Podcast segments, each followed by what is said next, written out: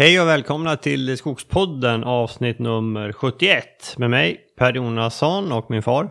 Bo Jonasson.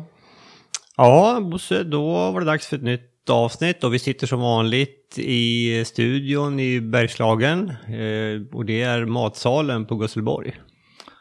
Ja, Och eh, nu har vi fått lite höst. ute faller höstlöven. Mm. Börjar ju komma vackra färger i skogen nu. Ja. Mm. Idag har vi ju ett, eh, som vanligt, ett fullspäckat avsnitt och vi har ju en, eh, en intervju som är eh, väldigt intressant tycker jag. Ja. Vi var ju nere i Småland för två veckor sedan och i samband med det så hälsade vi på hos eh, Bo Karlsson. I Södra Vi. Just det. Och fick en eh, ordentlig pratstund med honom. En nypensionerad eh, träförädlings... Nej, vad säger jag? Ehm, Genetikexpert. ja. Mm. Som han, han har disputerat i det här på, eh, jobbat på uh, Skogforsk under eh, lång tid. På Ekebo. Just det. Och eh, väldigt kunnig och sympatisk och pedagogisk. Och driver ett kreativt skogsbruk. Ja. Mycket intressant att se. Mm. Eh, innan vi går in på intervjun så ska vi tacka vår huvudsponsor, eh, banken SEB. Banken SEB har under de senaste åren ökat sitt fokus mot de gröna näringarna som inkluderar skog och skogsnäringen. Man anpassar och utvecklar kontinuerligt sina produkter och tjänster vilket har medverkat till en mycket god utveckling med flera nya kunder. SEB hjälper till med finansiering av skogsfastigheter och hjälper även till med frågor kring skogsskötsel, skogsekonomi, generationsskiften och förmögenhetsförvaltning. SEB har anställt flera skogsspecialister runt om i landet som hjälper till med kundkontakterna. Och det går bra att vända sig direkt till bankens specialister och kontaktuppgifterna till dem finns på bankens hemsida www.scb.se skog och lantbruk. Och det här ska vara i ett ord. SEB bjuder även in till digitala seminarier med olika teman såsom skogsägare på distans och marknaden för virke och skogsfastigheter. Är man boende i Stockholmsområdet och har bankfrågor kring det här eller önskar inbjudan till de här digitala seminarierna eller har frågor kring skog går det bra att ta direktkontakt med någon av SEBs två regionansvariga för skog och lantbruk i Stockholmsområdet. Kontakta gärna Mats Axelsson som ansvarar för Stockholm City. Han finns på 070 762 1060 alternativt mail mats.axelsson.seb.se eller ta kontakt med Caroline Skarfors som ansvarar för Storstockholm. Hon nås på 070 797 4329 och via mail där också caroline.skarfors.seb.se Ja, eh, vi, vi, vi träffade ju Mats på Skogselmia eh, förra sommaren. Kommer du ihåg det Bosse? Ja. Då, då skulle han, han har ju en egen skogsfastighet i nordöstra eh, Småland. Mm. Inte så långt ifrån eh, Gamleby i det området. Ja. Då fick han låna, han skulle ner och så, så han fick låna vårt eh, sårör. Som, ja det var väl en prototyp kan man väl säga. Eh, så han var nere och sådde där och nu eh, häromdagen visade han mig bilder därifrån och det kom ju fantastiskt fint. Ja. Eh, såröret eh, är, det är bra. Eh, verkligen ett redskap för skogssådd. Har saknats på marknaden länge. Ja, Men nu finns det där. ja. Det gör det och eh, gör som Mats. hör, hör av er eh, till oss. Vi har fortfarande kvar att sälja. Har sålt över 50 stycken och eh, sålt en del till Norge faktiskt och eh, ja, till Litauen också. Så ja, intresset är eh, stort. Eh, läs mer på vår hemsida så eh, där står det hur man beställer det. Men eh, ta gärna också kontakt med eh, banken SEBs eh, skogsspecialister. I, precis som eh, i fallet med Mats så är ju de flesta av dem är ju själv skogsägare och aktiva. Så de är ju duktiga på det här med skog och ekonomi. Vi ska också tacka vår samarbetspartner Föreningen Skogen där både du och jag är medlemmar Bosse. Där Skog, Föreningen Skogen är en ideell organisation som stöttar svenskt eh, skogsbruk på olika sätt. Gå in på skogen.se och läs mer om hur man blir medlem där. Mm. Bra Bosse, ska vi eh, hoppa in på eh, intervjun med Bo Karlsson? Skulle vi säga någonting om vad vi gjorde i, i Småland? Ja, men just det. Precis. Mm. Vad gjorde vi där? Vi röjde.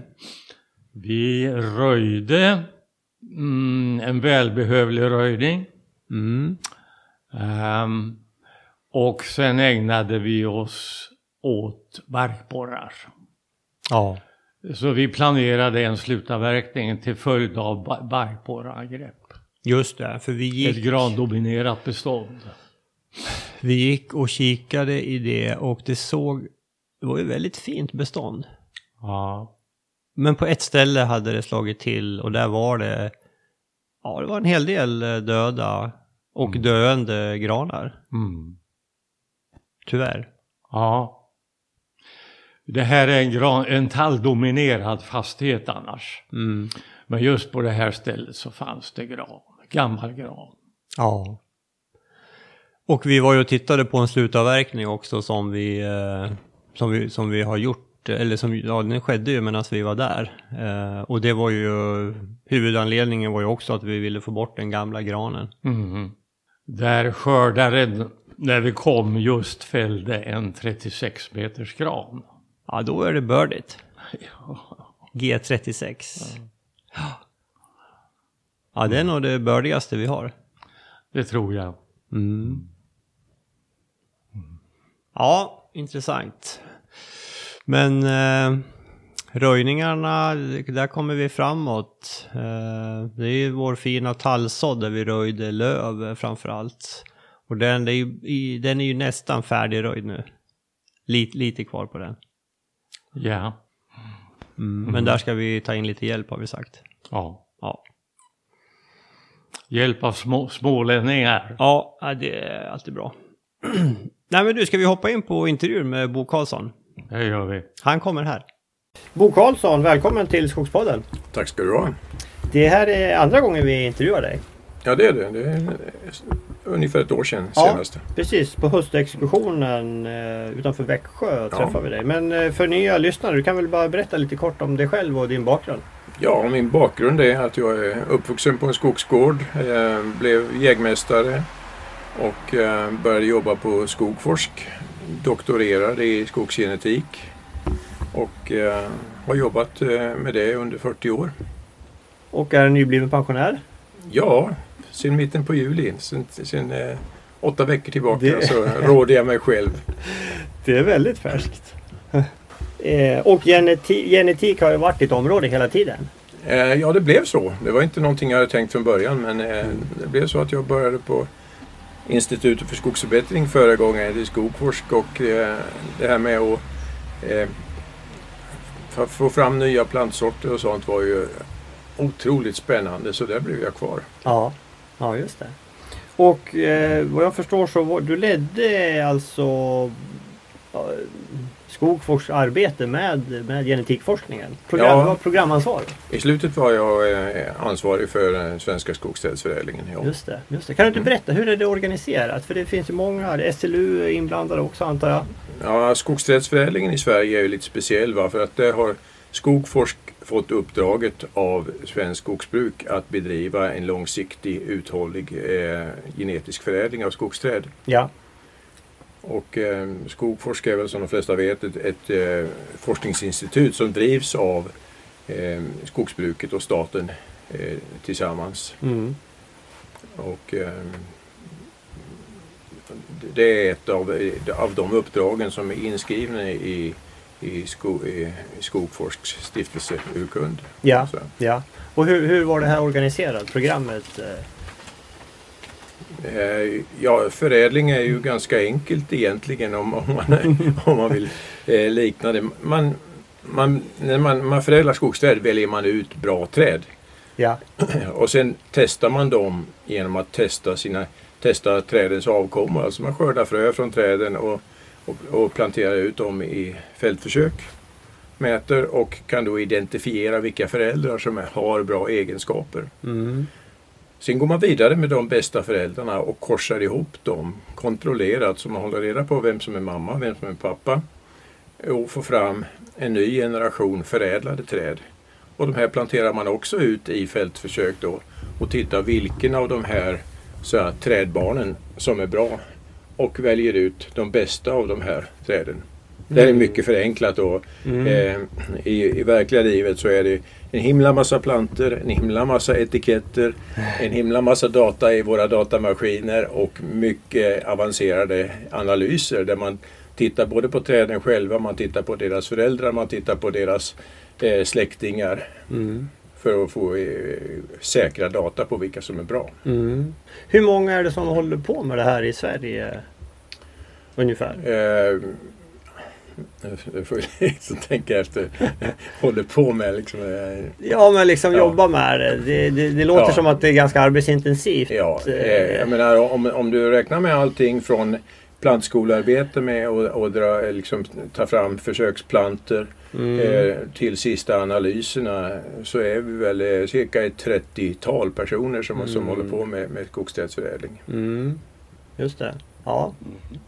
Hur, hur, hur, ligger, hur ligger Sverige till eh, internationellt sett? Jag, jag antar att det här pågår i Finland och Kanada och, och Ryssland och också. Ska man eh, vara lite skrytsam kan man säga att, att Sverige hör till de världsledande när det gäller skogsträdsförädling. Mm. Eh, vi började tidigt. Eh, vi hade turen eh, att inte vara med i kriget så vi kunde hålla på när, när alla andra så, länder var ute och krigade andra världskriget så fortsatte vi och då hade vi verkligen eh, den här världsledningen. Mm. Men vi har behållit det här och vi har haft ett enormt starkt stöd av svensk skogsbruk. Mm. Företagen har insett vilken resurs de här förädlade träden är. Mm. I många andra länder har man haft förädlingsprogram och eh, flera länder har mer eller mindre lämnat det för att man liksom inte eh, ja, haft samma stöd från, från skogsbruket. Kan man Ja, säga. ja, ja, ja. Finns det ett intresse utifrån då på, på vårt arbete här? ja, det finns det. det, finns det. Mm. Och sen har vi ju ett väldigt starkt internationellt samarbete. Eh, om man tar de eh, närliggande länderna så eh, Finland har också ganska mycket förädling. Där har vi Mm. mycket samarbete. Men även Norge, de baltiska länderna. Mm. Och går man ut i världen så har eh, USA och Kanada ganska mycket förädlingsverksamhet. Ja. Och går man söder om ekvatorn så, så har man ju mycket när det gäller eukalyptus och, och de tropiska trädslagen. Brasilien, Australien, Nya Zeeland har också ja, in, ganska intensiv förädling. just det. Jag tror inte du nämnde Tyskland. Nej, Tyskland eh, var föregångsland när det gällde förädlingen. De hade ju förädlingsorganisationer eh, organisationer i varje delstat när jag började för, för 40 år sedan. Mm. Men de har eh, mer eller mindre släppt det och eh, de håller på med, med säga, genetisk konservering och sånt och de bevarar sina frötäcksbestånd men de har inte någon avancerad förädling. Nähä. Mm. Det är lite förvånande. Ja, lite förvånande är det men det är ju alltså, det privatägda skogsbruket är ju väldigt små fastigheter och, och det statsägda får ju direktiv från eh, statsmakterna. Och, eh, eh, förädlingen är inte prioriterad där. Nej. Lite grann tror jag eh, miljörörelserna där också tycker att det är li, li, lite fel att använda det. Mm. Ja, ja. ja. ja. Ha. Mm. Hur, hur, om vi tittar på i Sverige då, hur, hur långt har vi kommit? Vi har kommit, eh, kan man säga, vi är väl inne på, eh, på andra generationens förädling. Och eh, resultatet kan man avläsa bäst i, i så utfallet. Vi har anlagt tre omgångar skogsfröplantager. Ja. Och är inne på nu att starta en fjärde omgång plantager. Och, och då är det ganska starkt avancerad eh, förädling som vi pratar om när vi väljer ut till den fjärde omgångens fröplantager. Mm. Mm. Wow, men ja. finns det idag som man kan köpa den här tredje omgången? Tredje omgångens eh, fröplantager finns att köpa plantor nu, både av gran och tall. Mm. Och då är vi uppe, räknar vi med, med en vinstnivå på ungefär 25 procent jämfört med att använda oförädlat material. 25 procent, det är ju fantastiskt mycket. Jag brukar säga det är som att eh, om man har fyra hektar skog och planterar förädlat material så får man en avkastning som vore fem hektar. Ja. Det är ungefär så. Och vem skulle tacka nej till det? Ja, inte jag. nej. nej. Och, och det, hur, hur mycket används det här då? Jag, Skogsstyrelsen kom ut ganska nyligen 20% ökad tillväxt på ett visst antal år. En av huvudpunkterna var ju just använd alltid bästa möjliga plantmaterialet. Ja. Hur, hur, hur pass duktiga är vi att göra det? När det gäller tall så är det över 90 procent eh, av det planterade materialet som, som är förädlade plantor. Mm. När det gäller gran ligger man någonstans mellan 60 eh, och 65 procent. Mm. Och anledningen till att det inte är mer på gran är att det är svårt att, att få fram det här förädlade granfröet eh, i fröplantagerna. Dels beror det på att fröplantager blommar inte varje år. Gran, granen blommar ju kanske en, två gånger på tioårsperiod riktigt ordentligt. Ja. Och då efter torrsomrar. När granen blir stressad så svarar den med att blomma. Just det. När den väl blommar eh, så finns det problem i fröplantagerna för det finns väldigt många kottförstörande insekter. Det finns svampar som förstör, eh, mm. kan förstöra hela fröskörden. Och det är värre för gran än för tall? Det är mycket värre för gran än för tall, både mm. insekterna mm. och svamparna. Mm. Och det, det, är ju ett av Skogforsks forskningsfält också, att vi, vi forskar på det här eh, med, med både kottförstörande insekter och kottförstörande svampar. Mm, just det. Så det är egentligen därför vi fortfarande har beståndsfrö för att det, det räcker inte till riktigt de här plantagefröna Ja det kan man säga. Det är nog väldigt få eh, skogsägare som medvetet väljer beståndsfrö. Det finns säkert sådana också. Mm. Men eh, sk skulle det finnas större utbud på eh, förädlade plantor så skulle det säkert gå åt också. Mm. Då kommer vi in på en fråga här som vi diskuterade Bosse och det är ju när man, när man ställer fröträd. Då, då, får, då blir det ju inte förädlat, alltså det man får då ifrån eh, fröfallet. Nej, då blir det ju ortens proveniens som vi brukar kalla ja. det. Det är ju ett, ett oförädlat material. Fortfarande är det väl oförädlat. Nu börjar vi komma kanske så det, det finns en del fröträdställningar som kommer från de första fröplantagerna. Då blir det ju ja. en förädling men det ligger ju väldigt långt efter ja. förädlingsfronten. Det ligger liksom en, en skogsgeneration efter. Hur ska man se på det då tycker du? Nej, jag tycker att det är, jag, jag är för mångfald i skogsbruket så att det är ju upp till skogsägaren. Ja. Vill man ha en, ett, lite mer lågintensivt skogsbruk så är det ju en billig metod att få ny skog. Mm. Eh, men samtidigt eh, brukar jag säga liksom, valet av, av skogsodlingsmaterial till nästa generation gör man en gång. Du kan inte byta efter tio år. Liksom är, man ska tänka sig noga för om det är det här man vill leva med under mm. 70, 80, 90 år. Mm. Men om vi som vi gör, vi, vi blandar ju. Vi ställer dels fröträd, dels sår vi. Så vi kommer att få en blandning då av förädlat och icke förädlat. Ja. Finns det någon fördel med det? Det tycker jag. jag menar, eh, problemet är att det är svårt att hitta eh, det mest förädlade materialet, att kunna få tag i fröer och mm. ha råd att så mm. av det materialet. Mm. Jag kan tänka mig att man kan köpa fröer från första omgångens fröplantager där man ligger på en 10-12 procents eh, genetisk vinst. Ja, ja. Men visst, det är ju definitivt bättre än att bara ställa fröträ och, och lita mm. på naturens försyn. Så är man inne på de senaste omgångarna, då drar priset iväg menar du på fröet? Ja, om du överhuvudtaget kan köpa det. Okay. För att det, det, är ju fröplantageägarna som styr det där. Ja. Och det är ju det är de som har plantskolorna också. Så att de, mm. de vill nog sälja det som plantor. Mm. En fråga där. Eh, när vi pratar då om 25-30 procents tillväxtökning, förutsätter det att det är pollinering inom plantagen så att det inte är någon främmande pollen? Ja, det får ju inte vara för mycket främmande pollen. eh, Utan, men, det, men det här är eh, det här är, är då uträknat så att det blir den effektiva vinsten i, i vi brukar, säga, det. vi brukar säga värdeproduktion under Mm. omloppstiden. Mm. Och värdeproduktion kan ju vara när det gäller gran så är det ju mer volym kanske och när det gäller tall är det mer en kombination av Mm. volym och kvalitet. Mm. Mm. Mm. Jag antar att i bedömningen av eh, moderträd eh, i, i tall, då, då är det här med kvistkvaliteten viktig. Den är, är viktig eh, men det är fortfarande är ju tillväxten också ganska viktig och många gånger så finns det ju ganska bra samband. Om vi tar en sak som rakhet till exempel, träd som växer eh, snabbt blir också relativt raka. Eh, kvistkvalitet, ja det finns med en bedömning där. Eh, Mm. Och eh, det forskas på det också. Så att, eh, eh, det, det kommer nya resultat hela tiden. Mm. Tittar man på andra saker som det här med beständighet mot röta. Jag vill bara får Ja, få lägga Ja. till någonting om, om kvistkvaliteten Mm. där.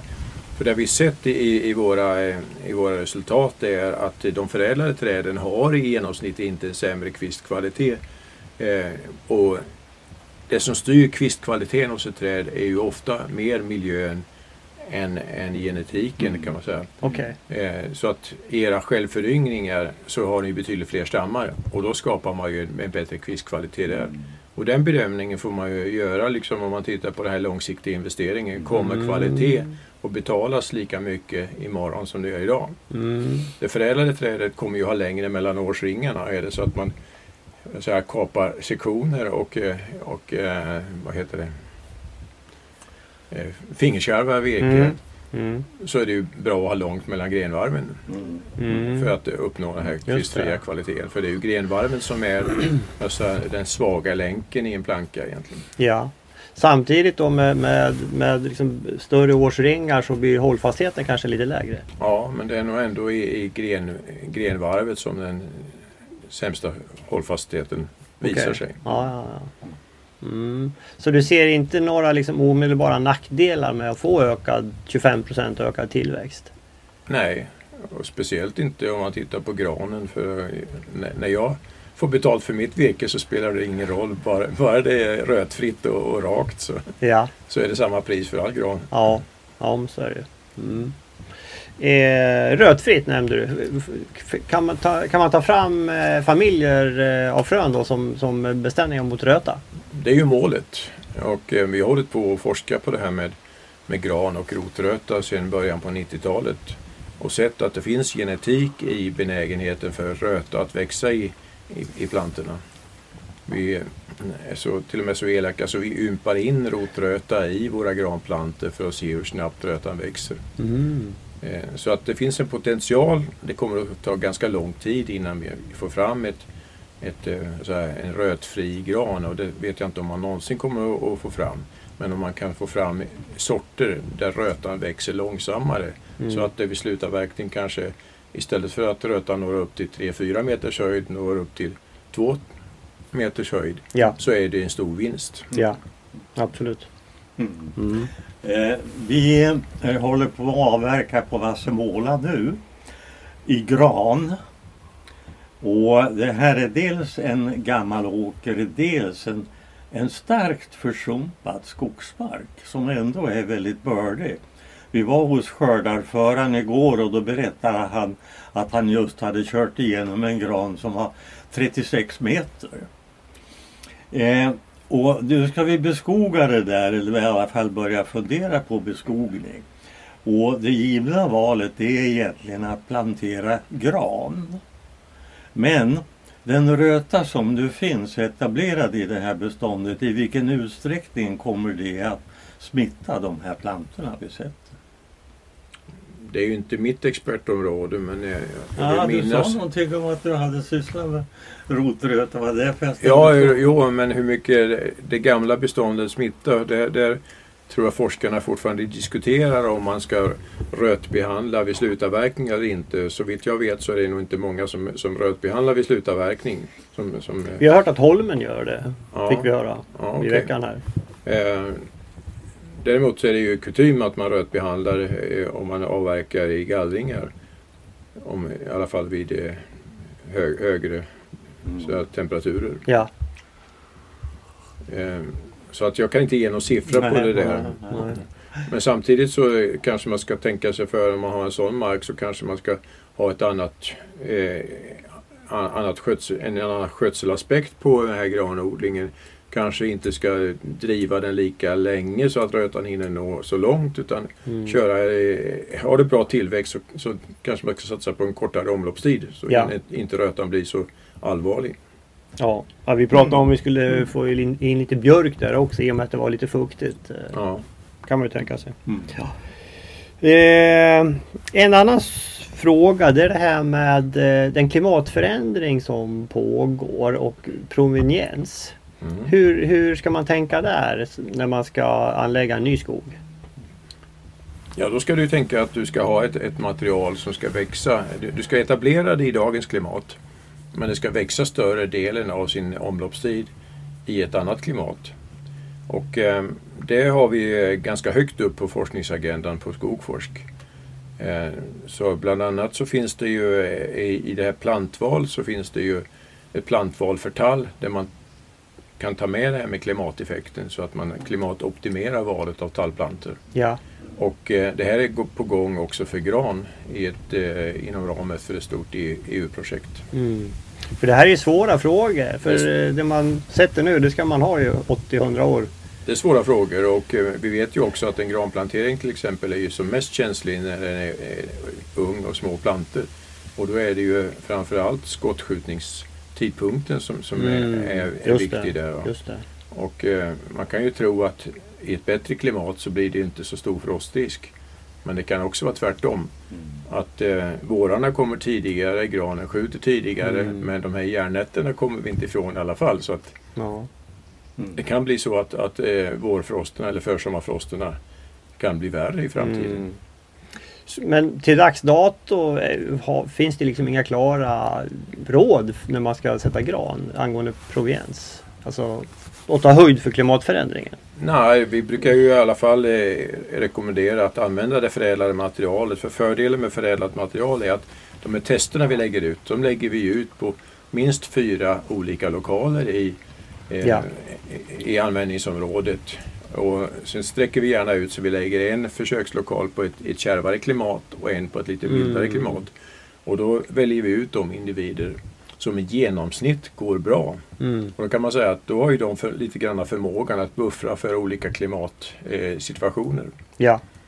eh, medan om man använder beståndsfrö så, så är det ju inte testat på någon eh, mer än sin egen lokal kan man säga. Ah, Okej, just det. Mm. Mm, just det, precis.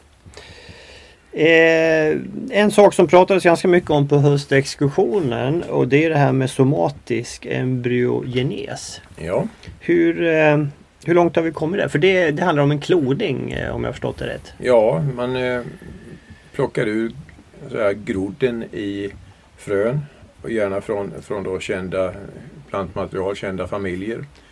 Eh, och sen genom, på, på vegetativ, för, eh, vegetativ väg så frökar man upp det här och eh, kan i princip framställa ett oändligt antal plantor från ett enda frö. Mm. Eh, det finns ju, eh, eller skogsbruket har ju ett samarbete med STT, Sweet Tree Technology.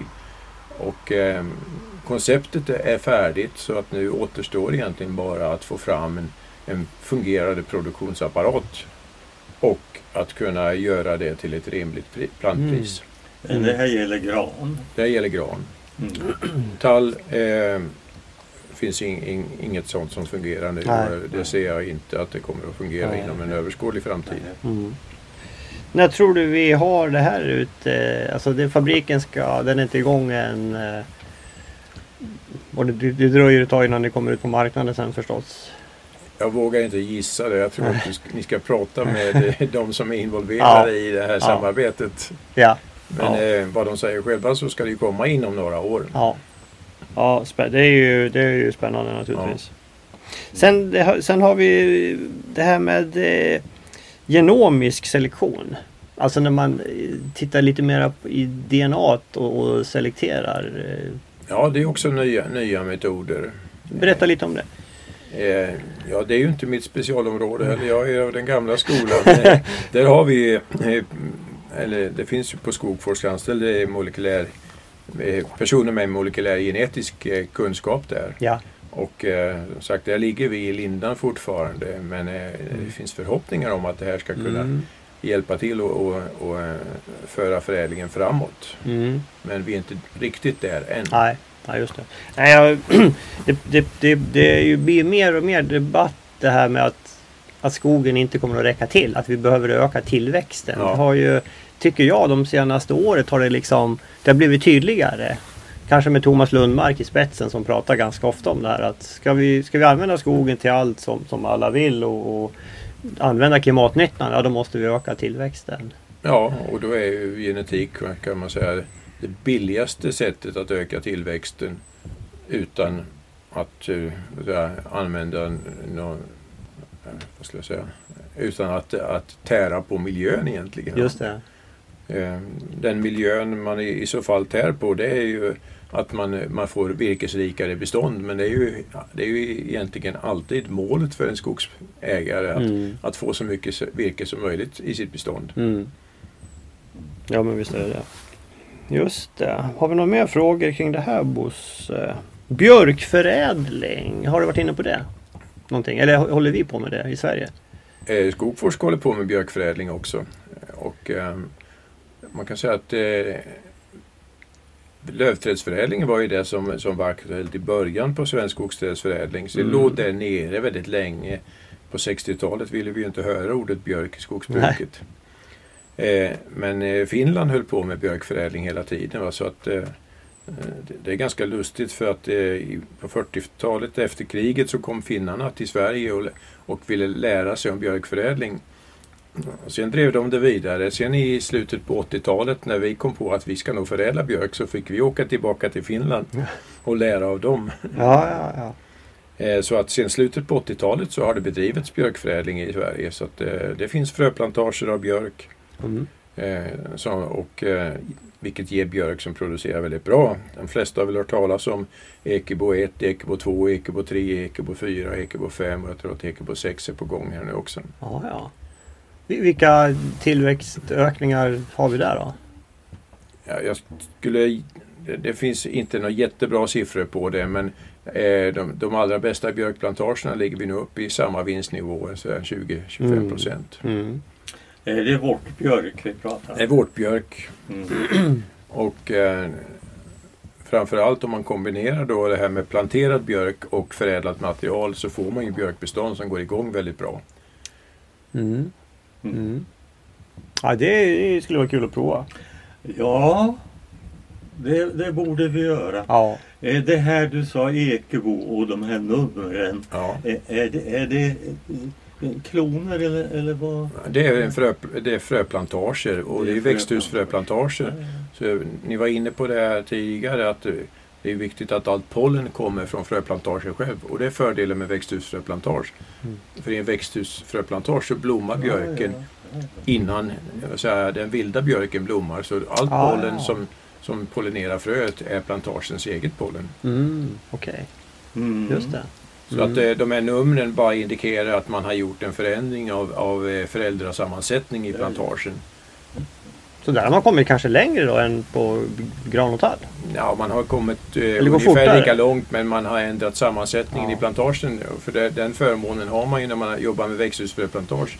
För då, då odlar man ju träden i krukor så då kan man kasta ut en och slänga in en annan. Ja, som, som att byta spelare i ett hockeylag. Ja.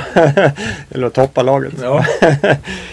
Ja, intressant. Nej, men det där skulle vi absolut göra. Mm. mm. Man kan ju, jag vet inte nu, man, om med risk, ökad risk för skogsbränder, det kanske blir naturligt att man vill ha in mer björk i sin skog. Alltså kanske några gator liksom för att ha som skydd.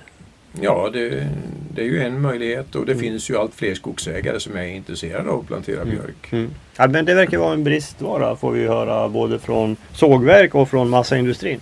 Jag har själv ett, eh, ett försök på mina marker som är nu 20 år gammalt och där ligger vi uppe på en produktion på eh, ungefär 10 kubikmeter per hektar och år efter de här 20 åren. Det är inte dåligt. Det var ju imponerande. Mm. Verkligen. Och det är klart man kan ju faktiskt kombinera björkproduktion och ta upp gran underifrån också. Ja, Om man vill. Och det här beståndet planterades faktiskt, eh, vi var in- inne på det tidigare, på ett väldigt starkt rötat, eh, på en väldigt starkt rötad granmark. Ja, ja, ja. Mm. Det är nästan så ni skulle se det. Ja, Ja, vore intressant. ja. Nej, men då kommer vi lite in på vad du sysslar med nu Bo. Om vi lämnar eh, din yrkesroll och det genetiska. Nu, för vi befinner oss i Loxbo i en föräldragård. Det är en släktgård som, som jag bor på här. Ja. Ja. Och här odlar du skog. Här odlar jag skog och har alla mina privata försök. Under hela tid, min tid som forskare så, eh, så har jag ju hållit på med det här privat också. Jag gjorde det redan innan jag blev forskare. Jag tycker om att experimentera. Mm. Och jag kan säga att det här har varit en drivkraft för min forskargärning. Att, att kunna liksom komma tillbaka till det här, gå med röjsågen och fundera på varför den där tallen växer på det viset och den här granen har de här årsringarna. Eh, man, är, man behöver praktik även som forskare. Ja. ja, det kan jag tänka mig. Berätta, vad är, vad är det för typ av skogsbruk du bedriver här? Hur, hur många hektar har du? Har du? Jag och eh, två syskon eh, har ungefär 400 hektar skogsmark eh, Mm. totalt. Vi bedriver ett produktionsskogsbruk där vi försöker att, att ligga i fronten på, på liksom använda forskningen eller som Greta Thunberg säger, lyssna till forskarna. Ja, du lyssnar Och på sen- dig själv här då? Ja, och eh, inte minst det här med, med förädlat material. Mm. Innan, eh, innan certifieringen satte stopp för det så höll vi även på med skogsgödsling. Mm. Eh, jag gödslade bland annat eh, min fars gamla stamkvistade tallar som han stamkvistade på 1930-talet. Och såg vilken effekt det gav och liksom kombinationen Mm. stamkvistning och gödsling där var ju väldigt Mm. trevlig. För alla årsringar som, som la sig utanför stamkvistningen är ju ganska värdefulla. Ja, just det. Ja, då kommer vi in på det här med stamkvistning. Du visade ju när vi kom här att du hade ju eh, sågat upp en del stamkvistat. Och vad, vad, sa du, din far och din farfar har stamkvistat här? Ja, det var nog min farfar som skickade ut min far och stamkvistade i början på 30-talet. Det måste ju varit väldigt tidigt alltså. Ja, det var tidigt. Eh, Han hade lärt sig det. Min farfar ägde en, en del av en torvmosse uppe i Hasselfors. Och hade sett på Hasselfors bruk att de stamkvistade. Så han kom hem och tyckte att det var någonting man skulle Ja, göra. ja.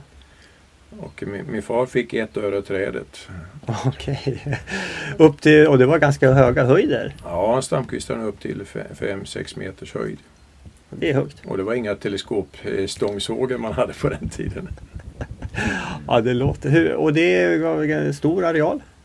Ja, eh, det var flera bestånd. Ett av eh, bestånden på sju hektar har vi nyligen slutavverkat. Mm. Och det gav eh, väldigt fina utbyten, det måste jag säga. Ja. Eh, sen eh, finns det flera bestånd, ja. Så det, det är ganska stora arealer som är kvistade. Kände du att du fick liksom betalt för det jobb som är nedlagt på det? Ja, med den lön han hade så blev det väldigt bra betalt. Ja. Nej, jag räknade på det någon gång när vi, när vi gjorde en sån här slutavverkning. Jag räknade på att det var en 15 procents förräntning på det här. Och det, det Det är, är inte så illa. Nej, absolut inte. Men som sagt, det, det, det beror ju alldeles på vad man bekostar. Jag ser, men jag stamkvistar lite själv, men jag ser det mer som en form av meditation. Att Ja. gå där och kvista och, Ja. och se att man förbättrar ett träd. Sen om, om Ja. man någonsin får tillbaka de pengarna vet jag inte, men eh, Nej. som, så, jag, jag tycker det, det, det Det är ungefär som du brukar säga. Trevligt. Bosse. Ja, ja. ja, det är ju en, eh, en form av Vi har motion. stamkvistat förhållandevis mycket också. Med början omkring 1979 blev nog den första tallen stamkvisten. Mm. Och jag tycker det är väldigt tillfredsställande. ja. Dessutom har man ju redan från början markerat de mesta träden på det viset. ja, Det är ett stöd för kommande gallringar. absolut. Mm. Men sen är det viktigt att man följer upp det här med att man eh, gallrar relativt hårt också. Då, så att man liksom får en snabb övervallning och eh, får årsringar på utsidan där. Ja, just det. Och att man ser till att det finns en marknad. Det finns ju tyvärr inte så många eh, industrier som, som betalar extra för stamkvistat virke. Nej. Går man på ordinarie prislistor så är det ju ofta så att eh, årsringsbredden är för stor på de här träden man har stamkvistat. Ja, Och ja. Då faller det ner en ganska dålig kvalitet. Så Ja. man, måste, man måste ha det dokumenterat, man måste kunna föra en dialog med kunden eller köparen. Just det. Just det. Och nu, vi råkar ju ha en köpare väldigt nära, ett stenkast härifrån. Ja, eh, Med ramsåg. Och de gör ju fönsterämnen av det här och exporterar mycket har jag förstått. ja. Men eh, pratar man med dem så säger de att eh, det här helt kvistfria virket det är inte lika populärt längre i, i, som vi pratat om tidigare, det här med fingerskarvning och sånt gör att man Mm. behöver inte det, det här helt kvistfria om det inte ska synas som, som så här, omålat virke. Men målar man det så, så finns det ju andra sätt att framställa det här kvistfria virket. Mm, mm. Jo, men samtidigt så, ja, vet inte, vi, åtminstone vi tror ju på någon form av renässans för, för kvalitet. Som exklusiv nisch så kommer det alltid finnas. Ja, det Jag borde tror inte det är någon större risk att alla kommer att stamkvista sina skogar. Nej, nej. Men det är så mycket annat. Det är ju en, det är en fråga om att, att det tre generationers verk i princip innan det är dags att skörda. Så att det gäller att för, föra den här kunskapen vidare. ja, ja, ja Att det precis. tas om hand på rätt sätt. Vid, vid vilken eh, ålder eller diameter börjar du stamkvista? Det går väl enligt rekommendationerna liksom när man är uppe i en 10, 10 centimeter ungefär. Mm. Och att det inte är allt för, för grovkvistiga träd. Det tar Ja. ju, då tar ju övervallningen väldigt lång tid. Just det, precis. Eh, när, när på året gör du stamkvistningen? Ja, numera jag försöker jag ju följa det här med jasmånaderna. Juli, augusti, september. Mm. Eh, när min far stamkvistade så gjorde han det på vintrarna. Och då kom ju Börje Erikssons rapport om det här med, med tall, eh, tallkräftan och, och sånt. Jag har inte sett något sånt på våra marker överhuvudtaget. Så att jag, jag tror att man kan nog stamkvista på vintern också. Ja, Men jag ska inte rekommendera det. nej. Nej men vi brukar ju säga, eller du brukar säga Bosse, inte Q4. Eh, inte Q4. Nej, eh, vi slutar första oktober och sen börjar jag faktiskt direkt i början på januari. Ja, det är en väldigt stor fördel om man kan gå på skarsnön. Då räcker det högre. Absolut. Mm. Ja. Däremot lärken är ju trevligt stamkvista också. Det, det gör jag en del också. Ja, ja. Och den är ju tacksam att stamkvista för de, de går av lätt kvistarna. Ja, ja, ja. Vad har du för Ja. lärk då? Det är hybridlärk. Mm. Mm. Men det är också en sån här eh, lite grann rysare. kommer att finnas en marknad för lärk men jag tycker det är ett väldigt träsl roligt träslag att odla. Det händer saker. Det går fort. Ja, Mm. När man kan gallra efter 12 år så är, Ja, det är otroligt. Men du, eh, blir de raka då? de blir raka. För det, jag vet inte, när man ser eh, hu- just speciellt hybridlärk att eh, ofta tycker jag de, att de böjer sig. Att det blir liksom krokigt. Ja, jag tycker jag, nu är det här rena iakttagelser, men jag tycker eh, alltså de, här plantagelärkarna blir krokiga i Skåne, men ju längre norrut man kommer med dem, ju rakare blir de. Okej. Och min tanke är väl att de kanske växer lite för länge och hinner inte räta på sig riktigt eh, söderut. Mm. Men eh, här uppe på de här breddgraderna blir det tillräckligt många Ja, eh, raka lärkar per hektar. ja. Just det. Och det som ska gå till massaved det gör inte så mycket om det är lite Nej. krokigt på. Nej, precis. Just det. Och Ja. De har ju också en, lärken har en väldigt bra förmåga att, att repa sig efter viltskador och sånt. Liksom. Eh, Mm. de, de kommer igen på ett annat sätt än vad både tall och... Men du skulle inte överväga att ha sibirisk lärk här? Absolut inte. Nej, växer jag, för jag långsamt, har eller? faktiskt en del sibirisk lärk på mark som jag köpt till. Och de blir ju gula i, i slutet på augusti och drabbas mer av svampskador. Jaha. Ja, ja. Nu finns det säk säkert sibirisk lärk som är, är bättre och eh, Skogforsk har ju ett eh, förädlingsprogram si på sibirisk lärk där man tittar på träd som, som är, kanske är mer lämpade. Men de här första sibiriska lärkprovenienserna Mm. som kom eh, har väldigt låg tillväxt Mm. Mm. och eh, ligger långt efter en hybridlärken. Ja, okej. Just det. Jaha. Vet jag om man skulle kunna använda det i Bergslagen? Hybridlärken. Hybridlärk? Ja, det, man ligger väl på, på gränsen där. Jag har sett hybridlärk uppe på Hargs bruk till exempel och den växte ganska bra. Så att, eh, Jag tror i, i hyggliga klimatlägen kan man nog använda det i Bergslagen också. Mm. Vi kanske får tänka om där för att vi har planterat eh, sibirisk lärk under ett antal år. Men små volymer, små kvantiteter. Ja. Men eh, några lärkar per år blir det. Mm. Ja, det är vackert träd. Ja. Problemet är om man, om man planterar några plantor per år som de, många skogsägare gör när de vill prova ett nytt träslag är att då är det lätt att man får ganska mycket skador på det förhållandevis låga plantantalet. Man ska eh, Mm. komma upp i ett hektar i alla fall tror jag för att man ska kunna se vad träslaget går för. Ja. Mm. Ja. Just det. Eh, du nämnde maserbjörk också. Det har, håller du på med lite grann. Ja, det var faktiskt en av de sakerna som, som fångade mitt intresse då var, eh, när jag blev genetiker. Ja. Att eh, maserbjörken är ju en, en, en, en genetisk ärvbar mutation. Och här på den här fastigheten råkade det vara så att det fanns spontana maserbjörkar. Här fanns tiotal maserbjörkar. Mm. Så att eh, jag skördade frö från de här maserbjörkarna och drog upp planter och planterade ut. De första planteringarna var väl 1983. Mm. Och det stämde ganska bra med, med de finska resultaten som de sa att det blir ungefär 50% nedärvning. Så att 50 av, av de här plantorna man, man tar när man plockar mas, eh, frö från en maserbjörk får masuregenskaper. Ah, ja. Så att eh, grannarna tyckte jag var lite konstig för jag gallrade bort alla raka fina träd och lämnade de krokiga ja, just det. Men nu har det kommit lite värde i dem. Ja, ja, ja. Har du till och med eh, avverkat och sålt någonting? eh? Ja, jag avverkar några ton om året. Hur mycket sa du? Några ton, Några ton? ja. Maserbjörk säljer man inte i kubikmeter Nej. utan det säljer man i kilo. Den säljer man i kilo. Okej, Ja. jag bara tänker, det låter väldigt mycket. eh, Men björk är tungt. Björk är tungt, det, Det- väger kanske en- 900 kilo. Alltså färsk björk, 900 kilo per kubikmeter. Ja, just det. Spännande. Jaha, och det finns avsättning för det.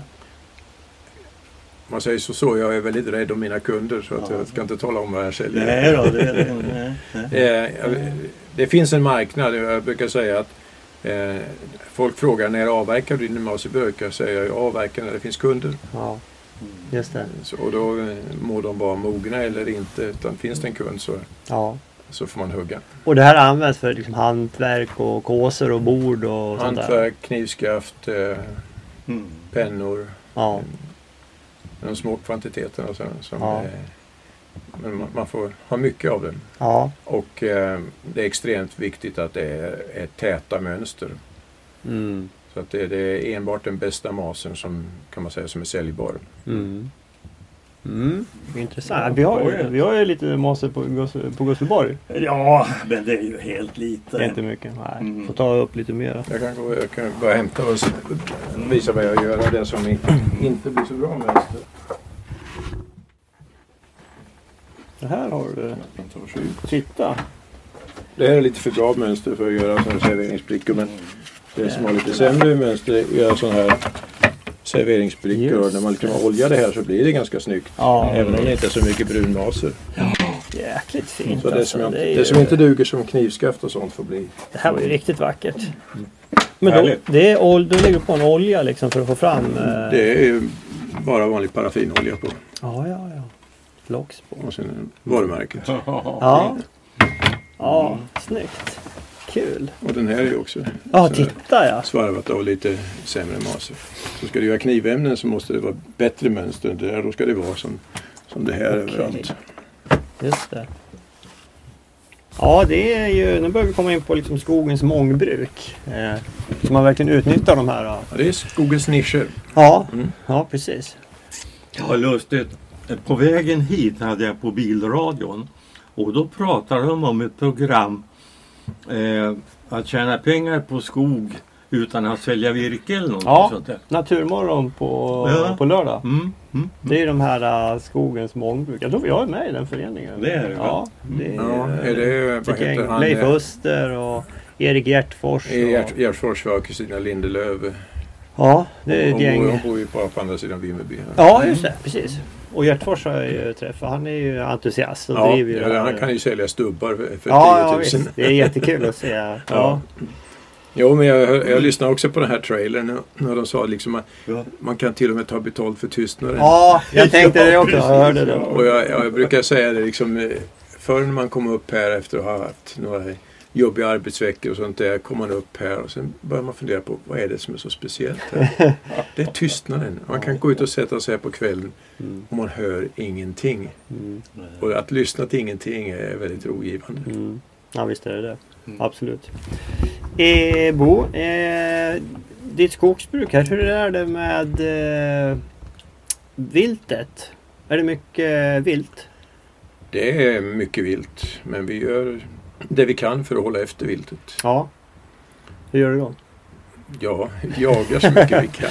Ja. Sätter, sätter press på jägarna. Jag är, är engagerad i älgskötselområdet och försöker se till att, att det som ska skjutas skjuts. Mm. Sen kan jag tycka att älgarna får allt för stor skuld eh, för skogsskadorna. Ja. Jag skulle vilja säga att det är nog rådjurens fel minst lika mycket. För rådjuren äter upp älgmaten när älgmaten är så här späd. va, Liksom. Den, den, Mm. den äter upp eh, rallarrosen när den är tre centimeter hög. Den äter upp småplantor när de är små. Ja. Så att, eh, jag är ju så pass gammal så jag var med under 80-talet när älgarna kunde stå på ett hygge och vara alldeles rosa om munnen för de står och smaskar rallarros som fanns på alla hyggen. då. Ja. Men man hittar knappt idag. Nej. Det är bara i vilthägn, eller de, alltså hägnen som man ser dem. Jag brukar säga det, jag, jag kör 30 mil för att komma hit eh, på sommaren och jag ser rallarros hela vägen. Men vet du var den är? Den är mellan asfalten och vilthägnet.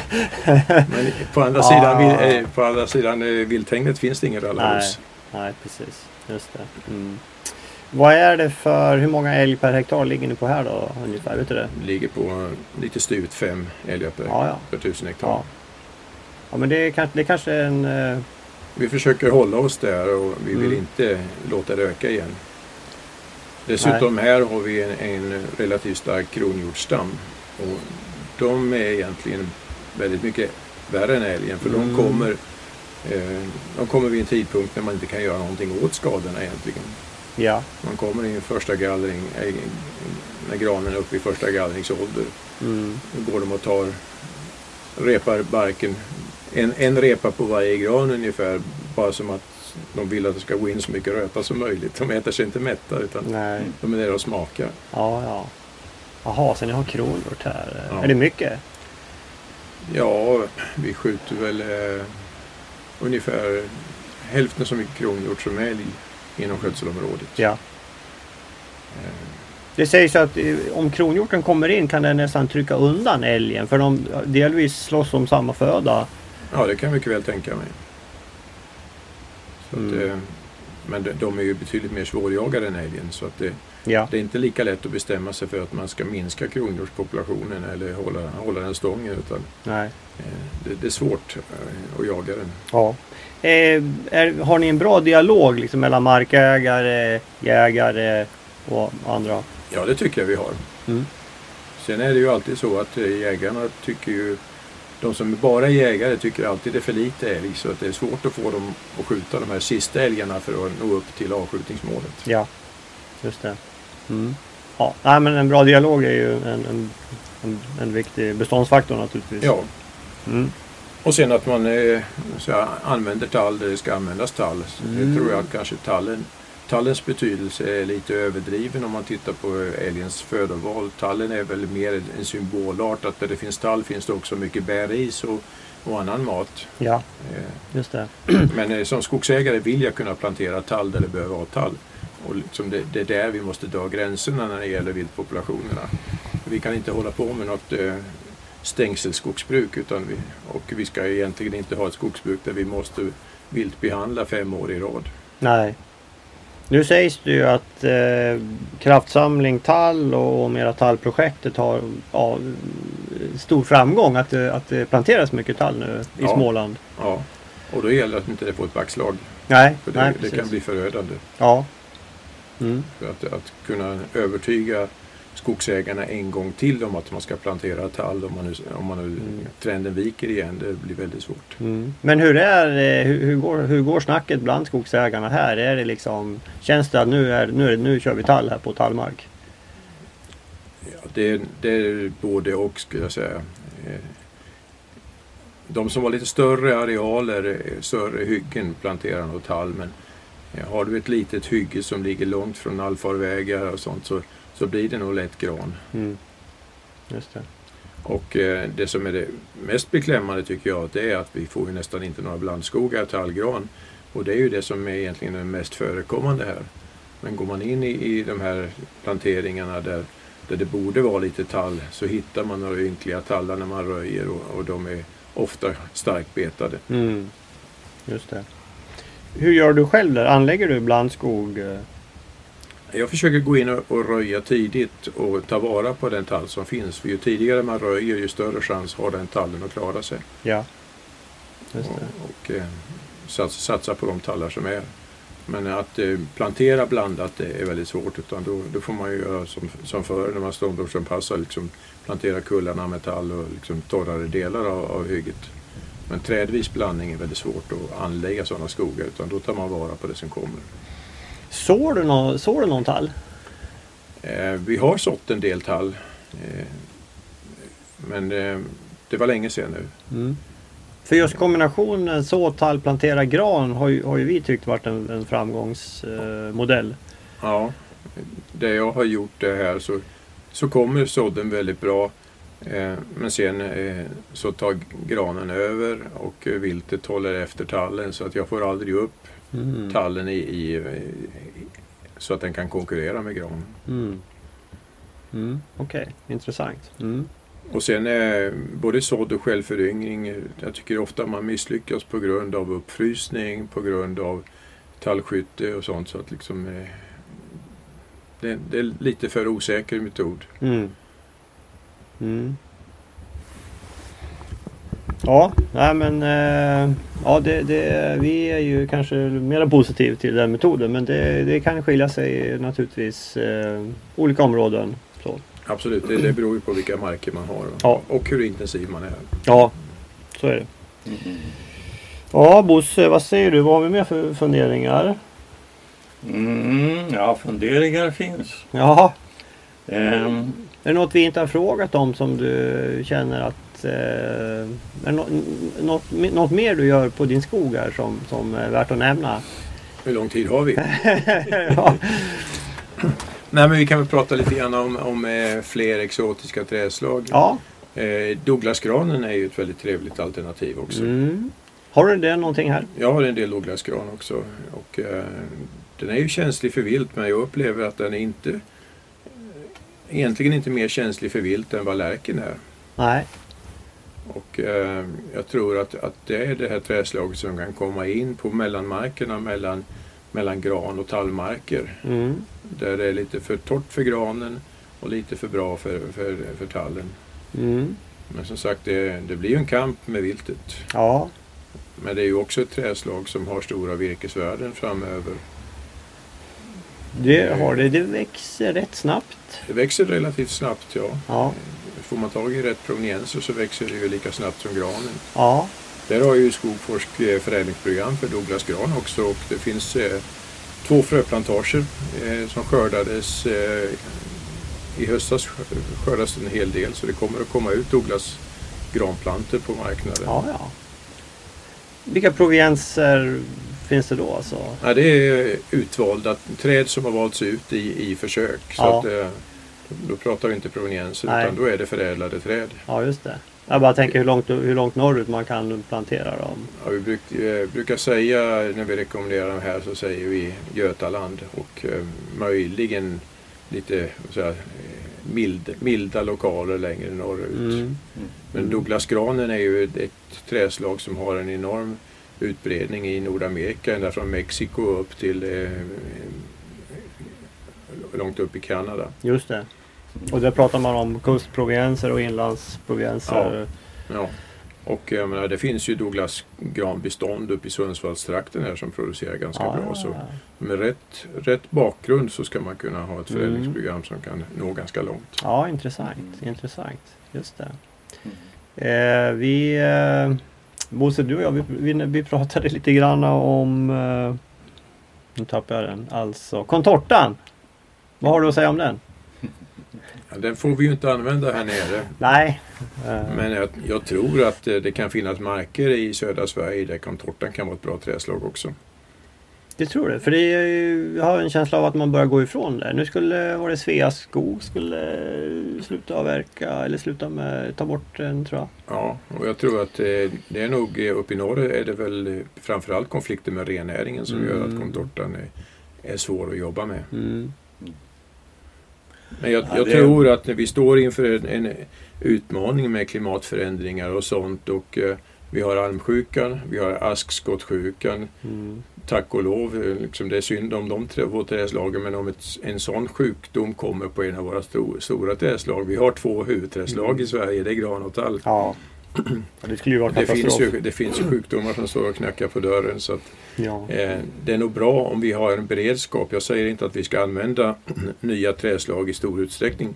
Men forskningen ska ha en beredskap för. Så att, ja. att ha en beredskap med contortatall i södra Sverige är inte fel. Att ha en beredskap med Douglasgran i södra Mm. Sverige Mm. är helt rätt. Att ha en beredskap med sitkagran eh, i kustnära trakter på, på västsidan i alla fall. Ja. Som, som komplement eller alternativ till vanlig gran. Mm. Där har vi ett träslag som, som inte är alltför skilt så virkestekniskt från vanlig gran. Heller. Ja. Just det. Eh, Det normala eh, för ert skogsbruk är, är den att ni planterar allt. ja, det är det. Eh, Inga självföryngringar. Nej, eh, vi har gjort det lite tidigare men jag tycker att problemet uppstår när, när fröträden blåser ner och man får uppfrysning på lite tätare marker. Så att eh, jag, jag planterar allt och sen kan man dra nytta av om man får lite självföryngring. Men en, där man har planterat förädlad tall ser man att eh, efter sex år så är planteringen uppe i tre meters höjd kanske. Eh, och det självföryngrade uppe i knähöjd. Mm. Ja, det är skillnad. det, det kommer ju aldrig med i... Om, om planteringen går bra kommer det inte med. Blir det luckor så kan man väl ta vara på de här träden. Mm. Eh, Proportionerna grantall i era planteringar då? Å- årligen alltså. Ja, Jag menar inte att ni blandar dem utan hur många tallplantor och hur många granplantor per år totalt. vår slutavverkningsareal ligger på en fyra hektar per år eller något sånt där. Vi, vi ligger i en sån åldersbalans att det, att det blir inte mer än så.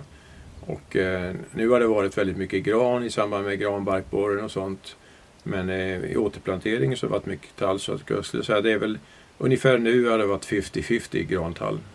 Mm.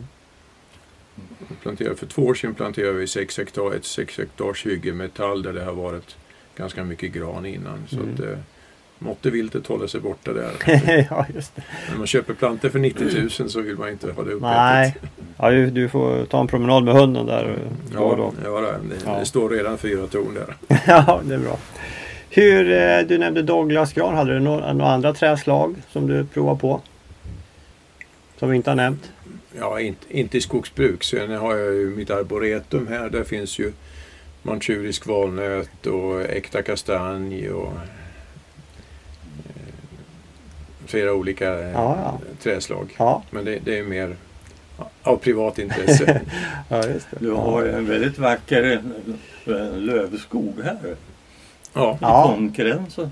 ja, det är en trevlig park. Eh, Ugglorna sitter och hoar på nätterna här. Mm. Du hade ju eh, lönn, eh, lönnsirap höll jag på att säga. Du, vad, hette, vad hette den lönnen?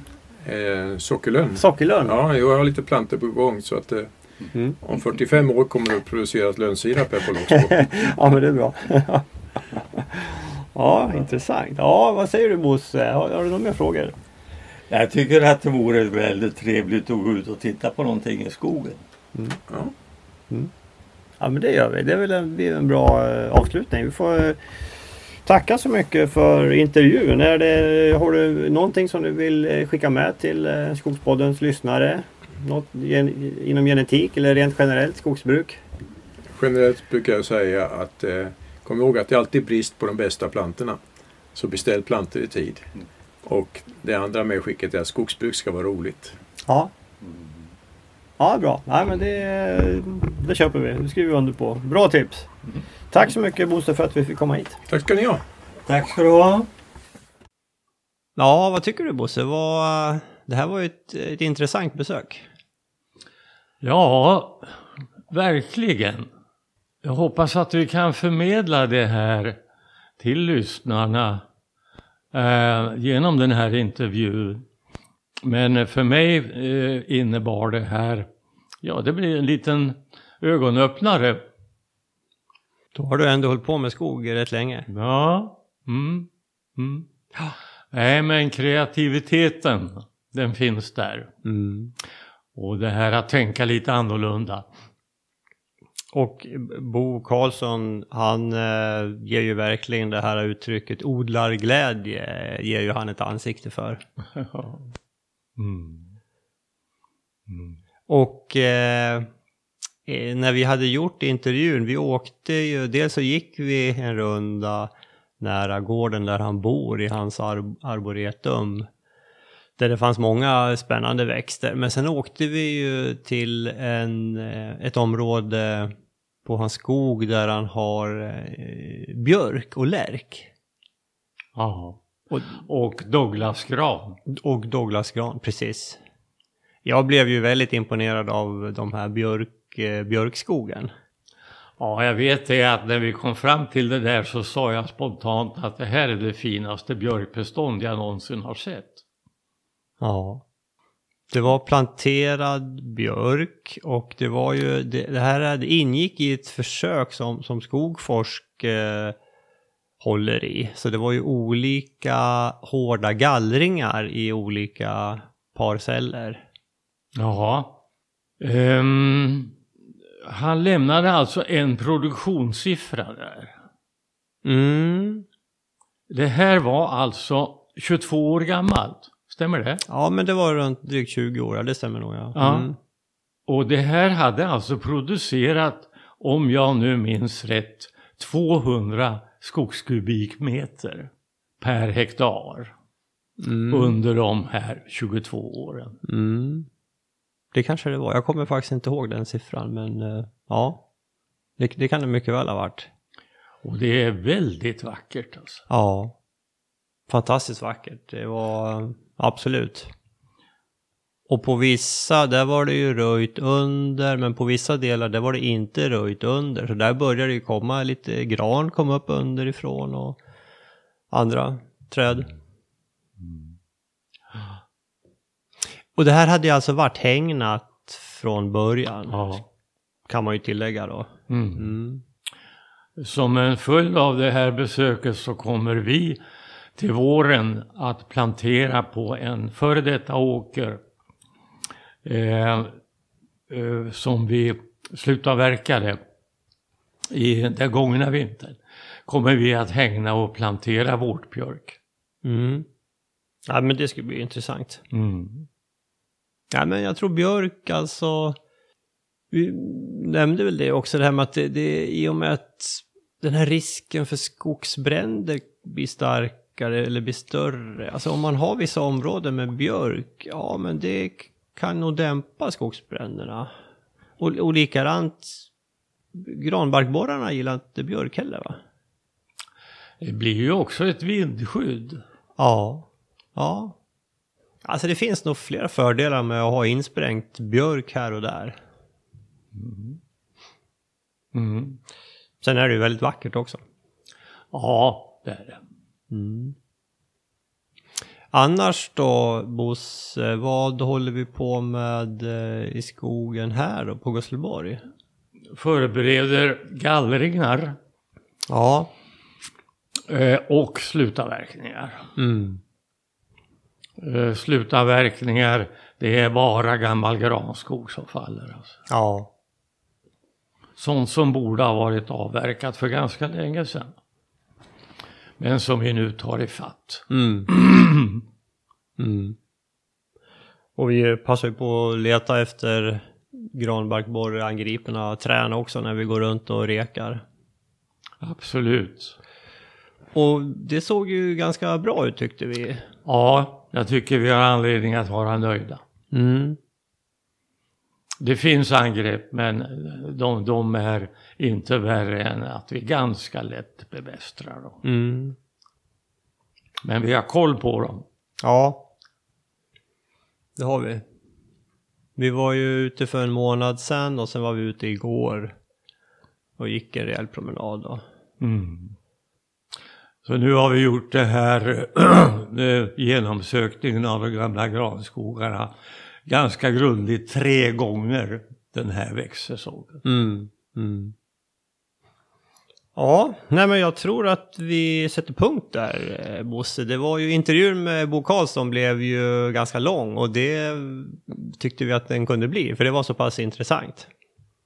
Ja, det var en höjdare. Ja, men det var det. Vi, jag tror vi får kanske komma tillbaka till Bo och det finns nog fler saker vi kan prata med honom om. Jag, tyck, jag blev ju imponerad av hans eh, det här snickeriverksamheten som han höll på med. Han var, han var ju en mångbrukare där. Ja, förädlade saker själv. Han hade ju en snickeriverkstad. Och en och ordentlig eh, såg hade han ju också. Ja. Ja mycket kul mm. att se. Ja, vi eh, eh, sätter punkt där och eh, gå gärna in och ge podden betyg i de olika apparna som ni eh, lyssnar med och i. Eh, det hjälper oss att få nya lyssnare. Vi finns ju på Instagram, där är vi mest aktiva, finns även på Twitter och på Facebook. Där lägger vi upp lite saker också. Jag har ju även en blogg på atl.nu, det gröna guldet, som jag skriver lite grann om vårt eh, skogsbruk. kan man gå in och kika. Så vi finns lite här och där. Och glöm inte bort att kika in på våra filmer på Youtube. Där har vi en egen kanal som heter just Skogspodden. I våras gjorde vi ju 15 nya filmer som beskriver vårt sätt att beskoga på. Eh, jag tycker, jag tycker själv att de blev eh, väldigt bra. Så kika gärna in på dem. Och är ni intresserade av såröret, gå in på eh, skogspodden.se så finns det en flik där som handlar om såröret. Det finns lite information och lite bilder att kika på, någon film också. Och det här går ju att beställa då genom att skicka ett mail till skogspodden.gmail.com skogspodden gmail.com. Eh, för det gjorde vår huvudsponsor eh, Mats Axelsson i eh, banken SEB.